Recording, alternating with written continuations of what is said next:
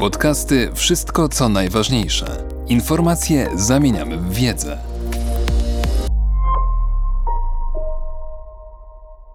Bruno Machaesz. Geopolityka końca czasów. Od pandemii do kryzysu klimatycznego. Pandemia uderzyła zwłaszcza w przedstawicieli klasy dominującej i społeczeństwa krajów rozwiniętego kapitalizmu, a zmiany klimatu są problemem przede wszystkim dla drugiej połowy planety, pisze Bruno Machaesz. W książce opublikowanej zaledwie kilka miesięcy po wybuchu epidemii wirusa COVID-19 pod koniec 2019 roku naukowiec i aktywista klimatyczny profesor Andreas Malm postawił intrygujące pytanie. Dlaczego państwa globalnej północy podjęły działania w sprawie koronawirusa, ale nie w sprawie zmian klimatu? Po wybuchu pandemii wprowadzono bowiem środki mające na celu ograniczenie przenoszenia się wirusa, między innymi skłaniające obywateli do pozostania w domach. Niemalże jednocześnie wprowadzono rozróżnienie między niezbędną i nieistotną działalnością gospodarczą. Producenci samochodów wyłączyli swoje linie montażowe, a niektórzy przebranżowili się i zajęli produkcją wentylatorów. Jak zauważa profesor Malm, zasada, o której nigdy wcześniej nie myślano, została nagle wprowadzona w życie. Niektóre dziedziny produkcji i handlu zaspokajają podstawowe ludzkie potrzeby, podczas gdy inne mogą zostać natychmiast zamknięte. W kwestii zmian klimatu reakcja polityczna jest jednak znacznie bardziej stonowana. Z czego wynika ta różnica?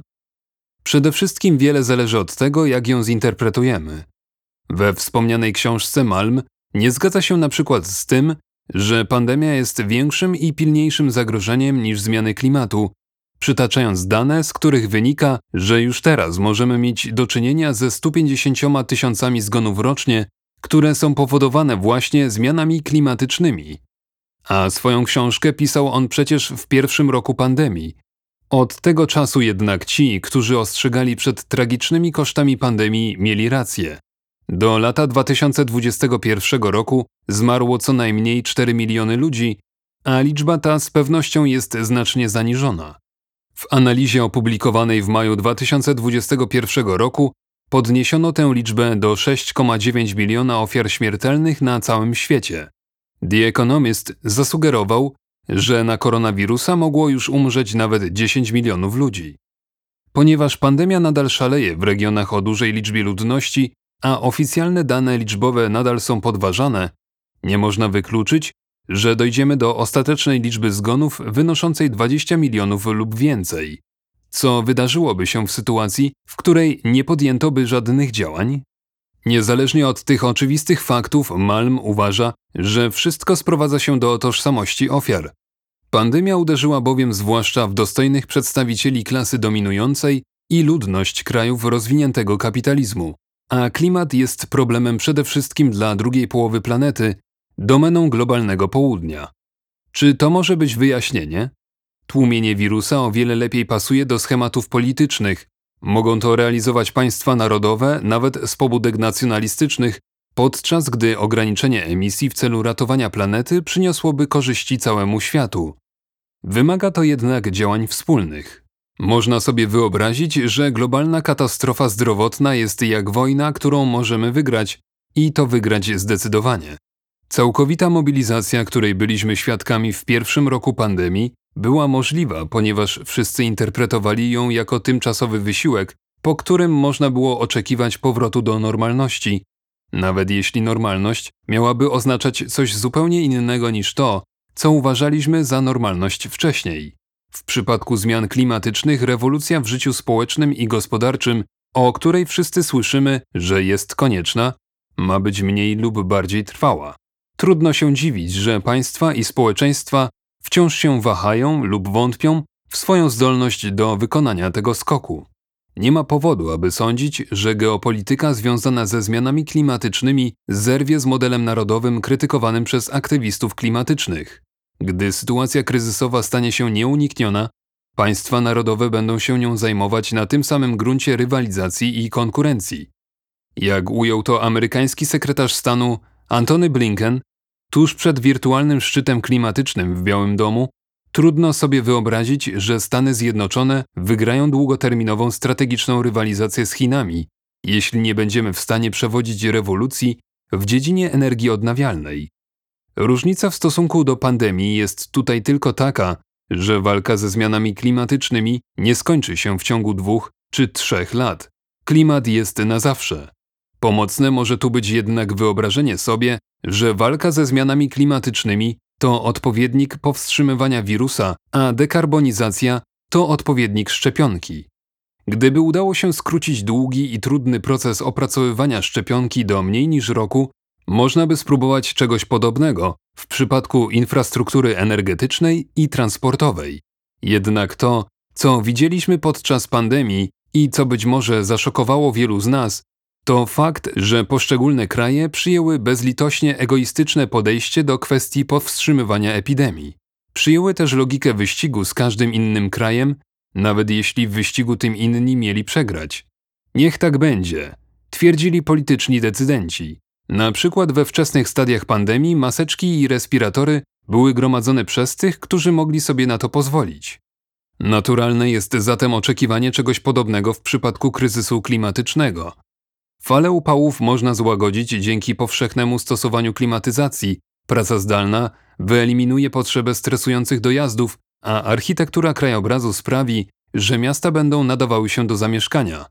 Oczywiście dla tych, którzy będą mogli sobie na takie środki zaradcze pozwolić.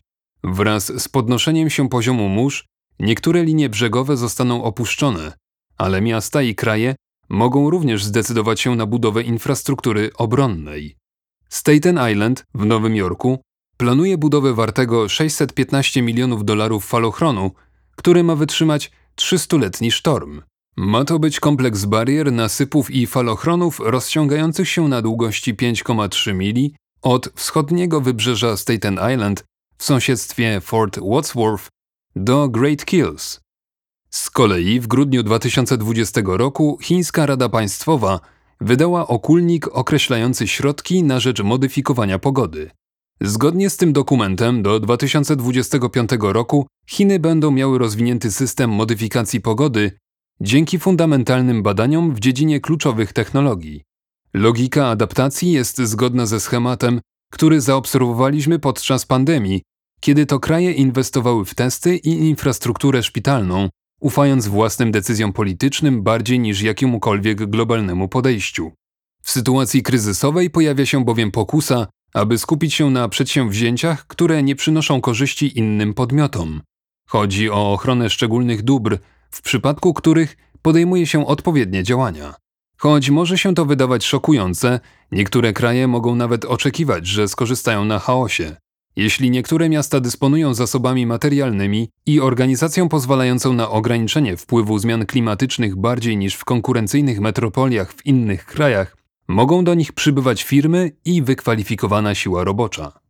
Zapomnijmy o kryzysie klimatycznym jako sposobie na przezwyciężenie nieubłaganych realiów geopolityki. Bardziej prawdopodobne jest to, że geopolityka w czasie zmian klimatycznych będzie obecna silniej niż kiedykolwiek.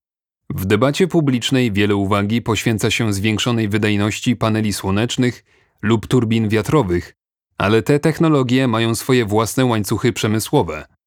W związku z dekarbonizacją miedź, nikiel, kobalt, chrom i inne strategiczne minerały będą potrzebne w znacznie większych ilościach. Najważniejsze bogate złoża tych metali znajdują się zaś zwykle w miejscach niestabilnych politycznie. Jak zauważa John Dizard, dla Europejczyków transformacje energetyczne będą prawie na pewno wymagały znacznie większego zaangażowania przemysłowego i wydatków socjalnych w Afryce. Jeśli chodzi o gospodarkę wodorową, będzie ona o wiele bardziej zależna od platyny z południowej Afryki niż przemysł naftowy od złóż w Zatoce Perskiej. We wrześniu 2020 roku Komisja Europejska ostrzegła państwa członkowskie, że niedobory pierwiastków wykorzystywanych do produkcji baterii i urządzeń do pozyskiwania energii odnawialnej zagrażają celom klimatycznym Unii Europejskiej, narażając jednocześnie wspólnotę na presję podaży ze strony Chin, które dominują w przetwórstwie strontu i litu. W przypadku litu prawie cała podaż z Australii trafia do Chin. Jedną z możliwych strategii jest wykorzystanie satelity Copernicus do poszukiwania nowych zasobów i zarządzania zasobami istniejącymi. Problem dotyczący zasobów naturalnych przenosi nas o 100 lat wstecz, do czasów, gdy potęga narodowa była mierzona terytorialnymi złożami surowców. W ciągu najbliższych kilku dekad zapotrzebowanie na materiały wykorzystywane w panelach słonecznych wzrośnie co najmniej trzykrotnie, a zapotrzebowanie na składniki niezbędne przy produkcji akumulatorów, takie jak kobalt, lit i inne pierwiastki ziem rzadkich, będzie rosło tak szybko, że kraje będą zmuszone do walki o kontrolę nad określonymi obszarami geograficznymi. Jeśli kryzys klimatyczny ma doprowadzić do powstania nowego modelu gospodarczego i technologicznego, ostatnią rzeczą, której powinniśmy się spodziewać, jest to, że przemiana ta będzie miała pokojowy charakter.